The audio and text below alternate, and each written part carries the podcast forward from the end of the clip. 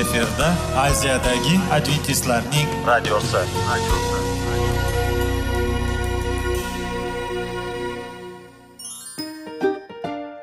assalomu alaykum aziz radio tinglovchilar. Sog'liq daqiqasi rubrikasiga xush kelibsiz. Zero tananing sog'lom bo'lishi va uning kasalliklardan saqlash har bir insonning burchi hisoblanadi. Inson uchun bebaho boylik bu sog'liq salomatlikdir. Uni asrash esa har birimizga omonat qilib berilgan. Shuning uchun ham inson o'z sog'lig'ini ehtiyot qilishi voajib amallardan hisoblanadi. Dono xalqimiz sog'liq tuman boylik deb bejiz aytmagan. Aql idroq sohibi bo'lgan inson o'z hayotini qadrlashi lozim bo'ladi. Hozirgi kunda qanchalik dori darmonlar ko'paymasin tibbiy muassa sifati shifokorlar vasiyasi tibbiy texnika yaxshilanmasin. Agar insonning o'z salomatligi haqida qayg'urmasa kutilgan natijaga erishib bo'lmaydi va biz sizlarga bizning dasturimizga xush kelibsiz deymiz.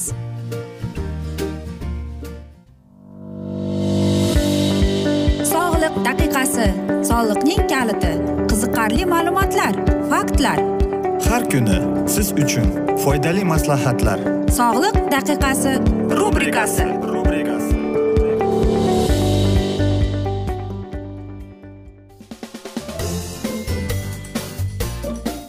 assalomu alaykum aziz radio tinglovchilar. Dasturimizga xush kelibsiz va biz sizlar bilan qanday qilib sog'lom bo'lish kerak degan dasturni o'qib eshittirishni boshlagan edik. Va bugungi bizning dasturimizning mavzusi ortiqcha vazn deb. Albatta aziz do'stlar qarangki hozirgida judayam ko'plab odamlar ortiqcha vazndan xalos bo'lishga harakat qilar ekan. Xo'sh va albatta ko'plab odamlar savol beradi. Nega qayerdan shuncha ortiqcha vaznni oldim deb? Aziz do'stlar qarangki olimlar aytadiki e, mana shunday ortiqcha vaznning eng ko'p e, bizga zarar keltirar ekan. Ya'ni yurak xuruji infarkt va judayam ko'plab kasalliklarning mana shunday sababchisi bo'lar ekan. Xo'sh aziz do'stlar qanday muammolarni olib keladi? Lekin bilasizmi ko'p odamlar ortiqcha vazndan xalos bo'laman deb e, ko'plab parhezlarga o'tiradi o'zini och tutadi. Lekin olimlar va shifokorlar aytadiki bu unda emas deb. Xo'sh bilasizmi qanday qilib ozish kerakki shunday ozish kerakki faqatgina parhez bilan emas. Nafaqat biz o'zimizning sog'lig'imizga zarar keltirmasdan qanday parhez tutishimiz kerak degan savollar keladi. Birinchi o'rinda bu albatta past kaloriyali ovqat bo'lishi kerak ekan ya'ni mana shunday parhez. Xo'sh sizlarga maslahatimiz bor.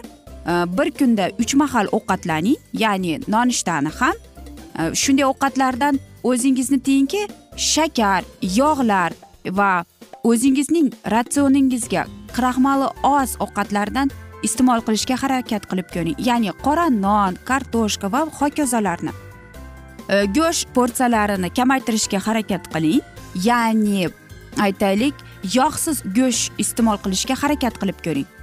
Va albatta yog'siz sutlar iste'mol qilishga harakat qilib ko'ring. Albatta hozirgida yigirma birinchi asrda biz supermarketga yoki gipermarketga kirsak mana shunday sutlarni ko'ramiz. Ya'ni ularning yog' darajasi eng past bo'ladi.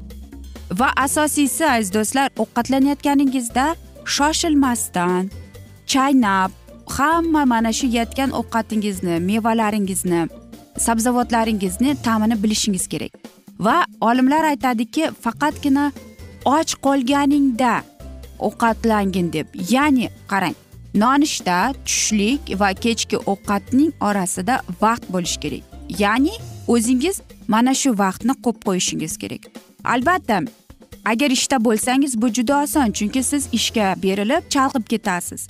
Lekin qanday qilib biz o'zimizga ovqatga kelganimizda yoki tushlikka yoki nonushtaga kelganimizda masalan siz ertalab soat sakkizda ishga ketasiz yoki sakkizga ishga borishingiz kerak. Albatta siz ertalab soat yettida turasiz yuvinib jismoniy tarbiyalarni qilib nonushta qilasiz. Mana shu sakkizdan to soat o'n ikkigacha to'rt soat besh soat vaqt o'tadi. Albatta bu to'g'ri ovqatlanasiz. Kechki uygacha ya'ni olti beshgacha siz ovqat yemaysiz. Uyga kelib ovqat yeysiz shu bilan bo'ldi. Ya'ni olimlar aytadiki uch mahal. Bu yetarli deydi. Ko'plab hozirgi dunyoda parhezlar ko'p aziz do'stlar. Lekin qanday qilib biz o'zimizni mana shunday ortiqcha vazndan xalos bo'lishimiz kerak deymiz? Birinchi o'rinda biz o'zimizning ichimizni ichaklarimizni oshqozonlarimizni tozalashimiz kerak ekan. Qarangki ayniqsa ortiqcha vazn bilan ayollarimiz aziyat chekar ekan. Nega? Chunki ba'zi ayollarda ular uy yumushlariga berilib ketadi bola tarbiyasi va vaqti bo'lmay qoladi. Albatta o'ziga bee'tibor bo'lib qoladi. Shuning uchun ham ayollar ko'proq ayollar ortiqcha vazn bilan kasal bo'ladi. Xo'sh aziz do'stlar. Lekin bilasizmi ortiqcha vaznning ham ko'p e, yana bir sababi bu ayollarga keladigan bo'lsak aytaylik kista yoki turli girja va qurtlar ham yuzaga keladi.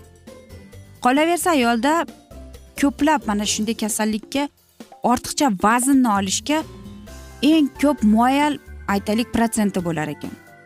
Xo'sh siz aytasizki agar shunday bo'lsa bundan chiqdi bizga parhezlar yordam bermaydi deysizmi aziz do'stlar?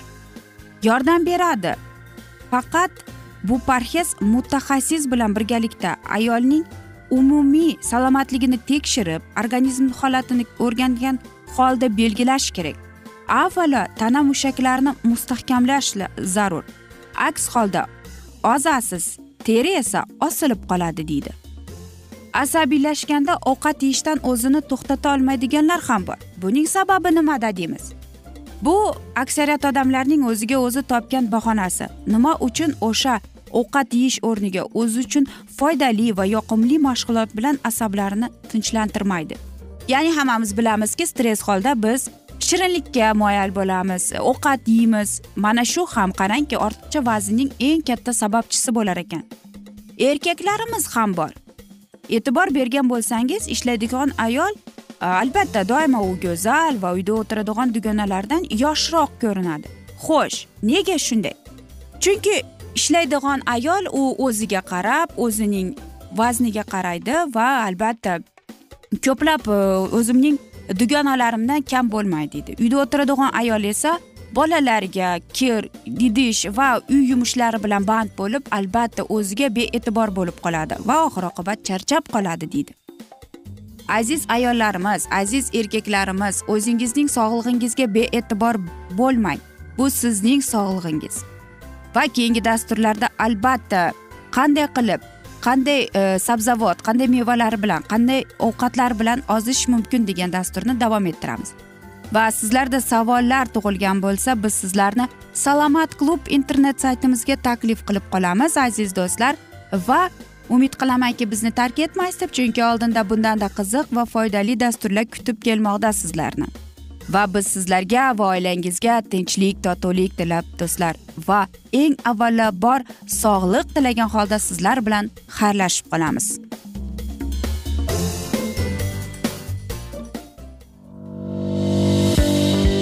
Sog'liq daqiqasi soliqning kaliti qiziqarli ma'lumotlar faktlar. Har kuni siz uchun foydali maslahatlar. Sog'liq daqiqasi rubrikasi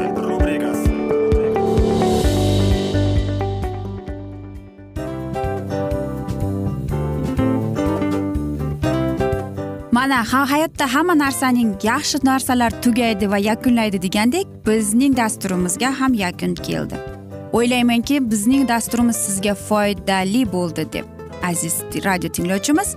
Va siz o'zingiz uchun kerakli xulosalar kerakli maslahatlar olib oldingiz. Aziz radio tinglovchimiz biz bilan qoling va keyingi dasturlarimiz albatta undanda qiziqroq bo'ladi. Mana shu alfozda sizlar bilan xayrlashib qolaman.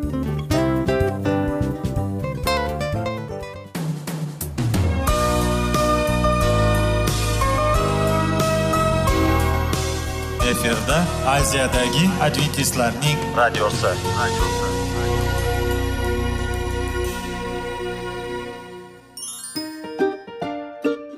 Assalomu alaykum aziz radio tinglovchilarimiz. Dil izhori dasturimizga xush kelibsiz. Pul insonni baxtli qiladimi? Albatta yo'q. Sog'liqchi. Albatta bo'lishi mumkindir. Lekin olimlar shuni isbotlashdiki to'liq va mukammal munosabatlar insonlarni baxtli qilar ekan. Albatta biz hayot davomida biz yaqin insonlar bilan odamlar bilan aloqada bo'lamiz va ular bilan munosabatlarimiz qanday kechadi qanday tuziladi? Yigit va qiz er va xotin ota ona va farzandlar va yaqin insonlar bilan balkim hozirgi vaqtda kimnidir hayoti yoki munosabatlari buzilyapti va bizning dasturlarimiz ularga yordam bo'ladi deb. Va oldinda sizlarni qiziqarli intervyular va mavzular kutyapti va biz umid qilamizki siz biz bilan qolasiz deb.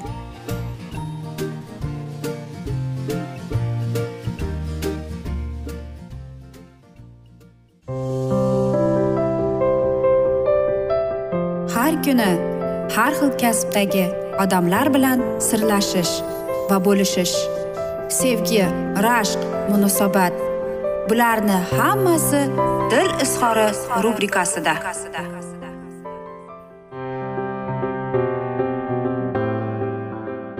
Assalomu alaykum aziz radio tinglovchilar dasturimizga xush kelibsiz va biz sizlar bilan topish va ushlab qolish degan dasturda xushvaqt bo'ling deb aytamiz.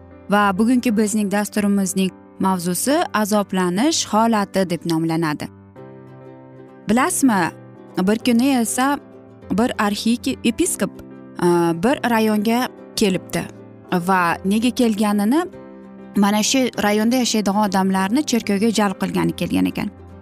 Va e, mana shunday xizmat bo'layotganda u bir qizdan so'rabdi.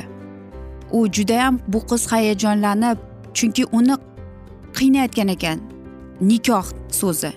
Va arxiyepiskop undan so'rabdi. Seningcha nikoh bu nima deganda qiz aytibdi. Ha bumi bu azoblanish holati debdi. Albatta o'shanda unga bu cherkovchi odam aytibdi. Yo'q yo'q yo'q.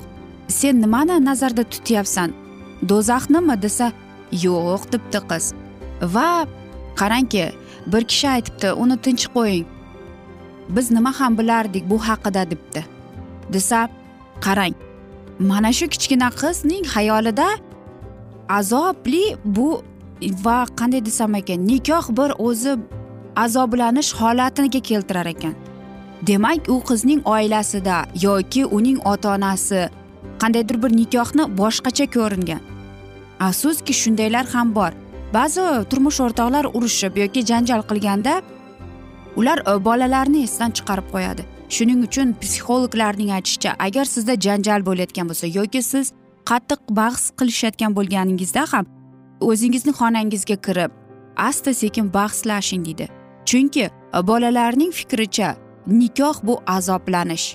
Qarang kichkina qizning oddiygina javobi qanchalik e, mazmun ma'noli bo'lib chiqqan ekan.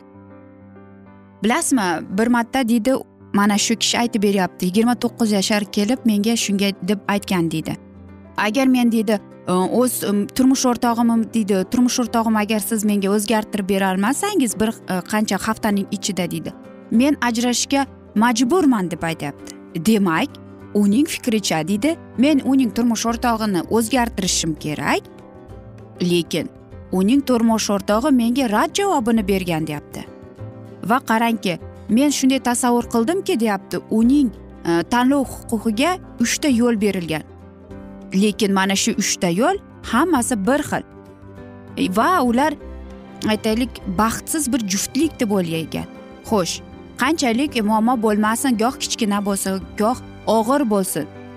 Har bir juft halol o'zi mana shu tanlovga bog'liq.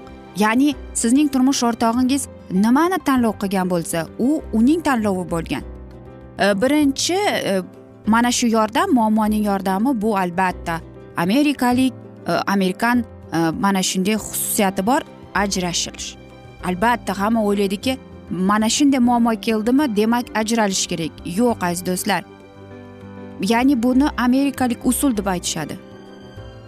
Ular mana shu muammoni yechmasdan yoki chuqur o'ylanmasdan yoki aytaylik muammo nimadan kelib chiqqanini hattoki chuqur bormasdan mening turmush o'rtog'im yoki mening oilam barbod bo'lyapti demak men ajrashishim kerak deydi va qarangki ko'pchilik e, biz do'stlashlar do'stlarimiz bilan yoki yaqin atrofimizdagilar bilan maslahat qilganimizda afsuski ular bizga noto'g'ri maslahat berishadi. Ya'ni ular aytadiki ajrash eng yaxshi usuli bu ajrash. Ya'ni ularning fikricha u ajrashsa demak u muammodan ya'ni aynan mana shu oiladagi muammodan qochib qutuladi deb o'ylaydi.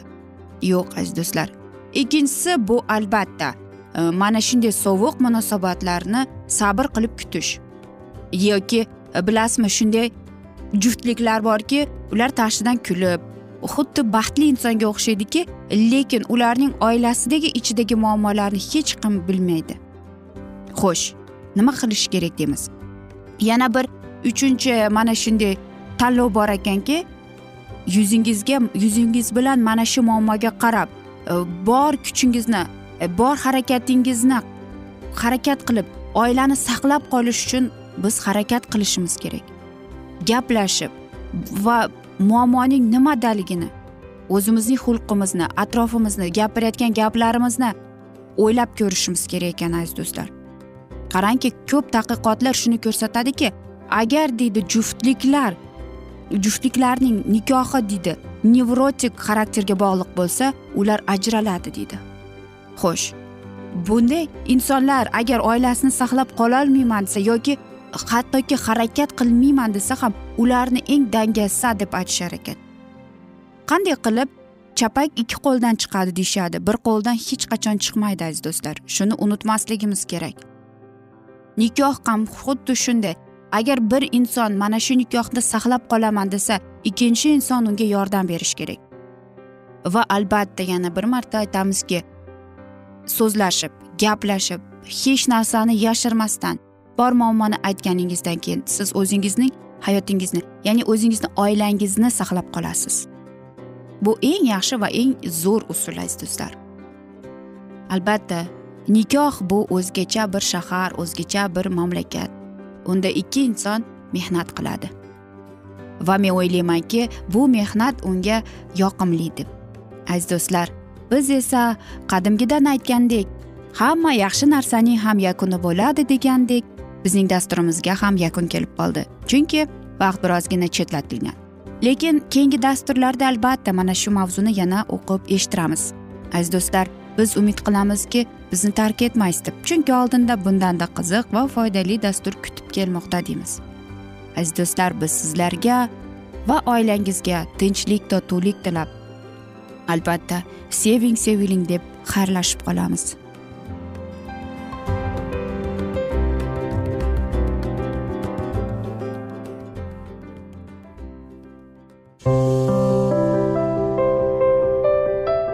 Har kuni har xil kasbdagi odamlar bilan sirlashish va bo'lishish sevgi rashq munosabat bularni hammasi dil izhori rubrikasida. Mana aziz radio tinglovchimiz bizning go'zal va foydali va chiroyli dasturimiz yakunlanib bormoqda. Sizlarga birozgina maslahat berib o'tmoqchi edik. Bir biringizni seving qadringizga yeting. Va erkalang albatta bir biringizni va sizga judayam chiroyli va mustahkam munosabatlar tilab qolamiz albatta. Sevgilingiz doimo yoningizda bo'lsin. Mana shu borada sizlar bilan xayrlashib qolamiz. Xayr.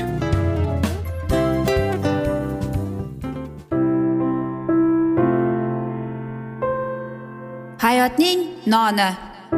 Qiziqtirgan savollar va javoblar. Buning hammasi ko'ngil uchun oziqa rubrikasida.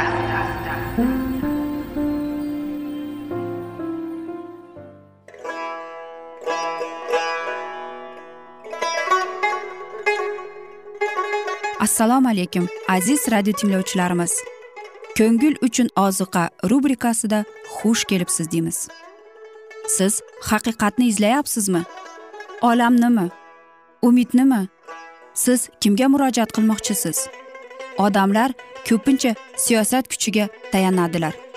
Dunyo iqtisodiyoti holati tobora chuqurlashib bormoqda. Tabiiy ofatlar va texnogen halokatlar minglab insonlarning hayotini olib ketib juda katta zarar yetkazmoqda. Sizga abadiy hayot inomini hadya qiluvchi va hayotingizni tubdan o'zgartiruvchi haqiqatni izlab toping.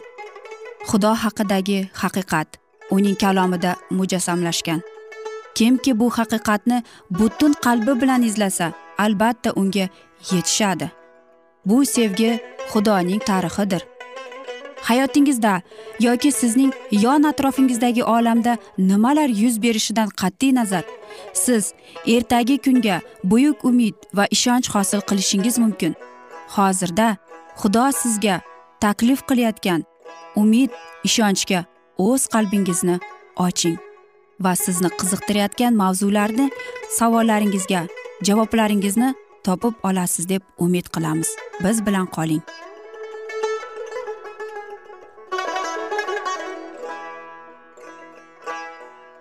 Assalomu alaykum aziz radio tinglovchilar. Dasturimizga xush kelibsiz va biz sizlar bilan ulug' otalar va payg'ambarlar degan dasturda xushvaqt bo'ling deb aytamiz. Va bugungi bizning dasturimizning mavzusi to'fon deb nomlanadi va biz sizlar bilan o'tgan galgi mavzuni yana davom ettiramiz. Nuh payg'ambarning ogohlantirishlariga odamlar oldin quloq solganday bo'ldilar.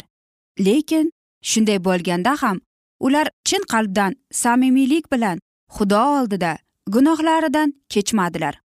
Ularni qoldirishni istamadilar. Tufon boshlanishigacha qolgan vaqt davomida ularning imoni boshlanishigacha qadar sinaldi.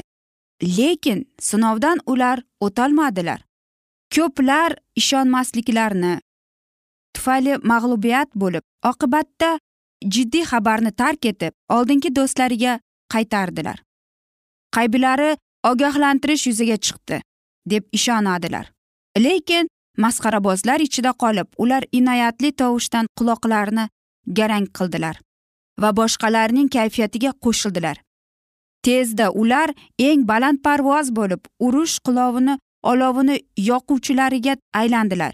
Zero haqiqatdan shunday bo'ladiki kim qachonlardir katta nur yoritilishiga munosib bo'lib keyinchalik ilohiy ruhning fosh qiladigan ovoziga qarshi bo'lsalar ular yana gunohlarga botadilar va juda past ruhiy holatga tushadilar. Tufongacha bo'lgan yerning holatiga nazar solar ekanmiz. Odamlar butparast bo'lib ketganliklarini deganda shu so'zining to'la to'kis mazmuni ko'zda tutilmaydi. Yo'q. Ko'plari o'zlarini xudojoy deb sanaydilar. Ular tasdiqlab sanam faqat xudoning evazi va uning orqali odamlar ilohiy zot to'g'risida aniqroq tushuncha oladilar deb adashardilar. Ular birinchidan bo'lib nuh vazini tark etdilar. Nazarlarida xudoni tasavvur qilmoqchi bo'lganliklarida ularning ojizligigan ongi ilohiy kuch qudratni ko'rmas edi xudovand talablarining abadiyligi va o'zgartirib bo'lmasligini uning muqaddas bo'lganligini ular tushunmay qoldilar. Gunoh ko'paygan sari odatga aylanib jinoyatli ekanini ko'rinmaydigan bo'ldi. Borib borib ular ilohiy qonun o'z kuchini yo'qotdi va gunoh uchun jazo olish xudoning tabiatiga zid deb xulosa chiqardilar nahotki ilohiy hukm yerga duch kelar? Unday bo'lishi mumkin emas dedilar. Agar u davrlar odamlari ilohiy qonunga bo'ysunganda edi ular o'z xizmatkori orqali ogohlantiradigan xudovandning ovozini eshitardilar. Lekin yorug'likni tark etib ular shunchalik ojizlanardiki hatto nuh payg'ambarning xabarini chin qalbdan adashish deb sanadilar. Haqiqat tomonida hech kim bo'lolmadi. Butun dunyo xudoning haqqonligiga va uning qonuniga qarshi isyon ko'tardi. Nuhga esa fanatik deb nom berdilar. Shayton havoni vasvasaga solib xudoga itoat qilmaslikka undaganida yo'q mutlaqo o'lmaysizlar degandi. Buyuk sharaflangan donishmandlar xuddi shuni takrorlab xudoning taxtidan faqat bizlarni qo'rqitish uchun berilgan. Ular hech qachon bajo keltirmaydi deyardilar. Yana davom etib xotirjam bo'ling. Xudovand karim o'zi yaratgan dunyoni va vujudga keltirgan zotlarni hech qachon nobud qilolmaydi deb o'zlarini tinchlantirardi dunyo aldagan cholning telbadigidan kulardi. Xudo oldida xoqsorlik qilmasdan go'yoki nuh orqali xudovandning ogohlantirishini eshitmaganday odamlar o'z itoatsizligida mahkam turardilar. Lekin nuh payg'ambar dovulga qarshi turgan qoyaday tebranmasdi. Hammalarining nafrati va masxara qilish ichida u beg'ubor soddaligi bilan benuqson muqaddasligi va imoni bilan ayrilib turardi. Uning murojaat etib aytgan so'zlari qalbdan chiqib ularning yuraklariga borib tegardi chunki u xudo kalomini bayon etardi. Xudovand ila bo'lgan aloqasi orqali u cheksiz kuch qudratga kirdi va bir yuz yigirma yil mobaynida insoniy nuqtai nazaridan imkonsiz ko'ringan voqealar to'g'risida tantana bilan kitob qildi. Tufon oldida bo'lgan zamonda odamlarning tabiat qonunlari to'g'risida tushunchalari noto'g'ri edi. Yilning to'rt fasli biri biri ketidan o'zgarmay belgilangandan tartibda almashardi. Hech qachon yomg'ir yog'magani uchun yerimiz shudring ila sug'orardi. Daryolar chetga chiqmasdan sabotli qonunlarga mos tinchgina dengizga oqib ketardi. Lekin ushbu fikr yurituvchilar xudovandning do'q urib shu yergacha yetasan va o'tib ketmaysan deb suvni to'xtatganini nazarga ilmadilar.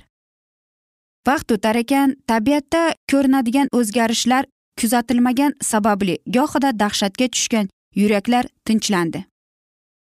Ko'plar bugungi kunda u paytdagi odamlarga o'xshab mulohaza yuritardilar. Albatta ular tabiat xudodan yuksakroq uning qonunlari mustahkam va ularni xudoning o'zi ham o'zgarata olmaydi deydilar. Aziz do'stlar mana shunday muqaddas kitobda bizga xabarlar. Biz esa mana shunday asnoda afsuski bugungi dasturimizni yakunlab qolamiz chunki vaqt birozgina chetlatilgan lekin keyingi dasturlarda albatta mana shu mavzuni yana o'qib eshittiramiz. Sizlarda savollar tug'ilgan bo'lsa biz sizlarni adventis tochka ru internet saytimizga taklif qilib qolamiz. Va umid qilamizki bizni tark etmaysiz deb chunki oldinda bundanda qiziq va foydali dasturlar kutib kelmoqda. Biz esa sizlarga va oilangizga tinchlik tilagan holda xayr omon qoling deb xayrlashamiz.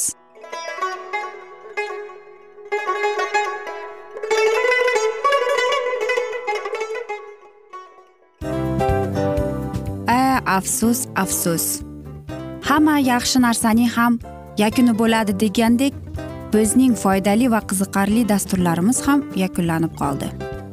Va men umid qilamanki bizning dasturlar sizga ozgina bo'lsada maslahat berdi foyda berdi. Va sog'liq borasida ayniqsa sizlarga foydali bo'ldi deb. Va siz bizning maslahatlarga amal qilasiz deb. Albatta keyingi dasturlarda undanda qiziqroq undanda foydaliroq ma'lumot berishga harakat qilamiz. Undanda qiziqroq ko'rsatuvlar sizlarga hadya etishga harakat qilamiz. Bizni tanlaganingizga albatta sizlardan minnatdormiz. Sizlarga baxt omad va sog'liq tilab qolgan holda mana shu alfozda sizlar bilan xayrlashib qolamiz. O'zingizni ehtiyot qiling sog' bo'ling omad sizga xayr.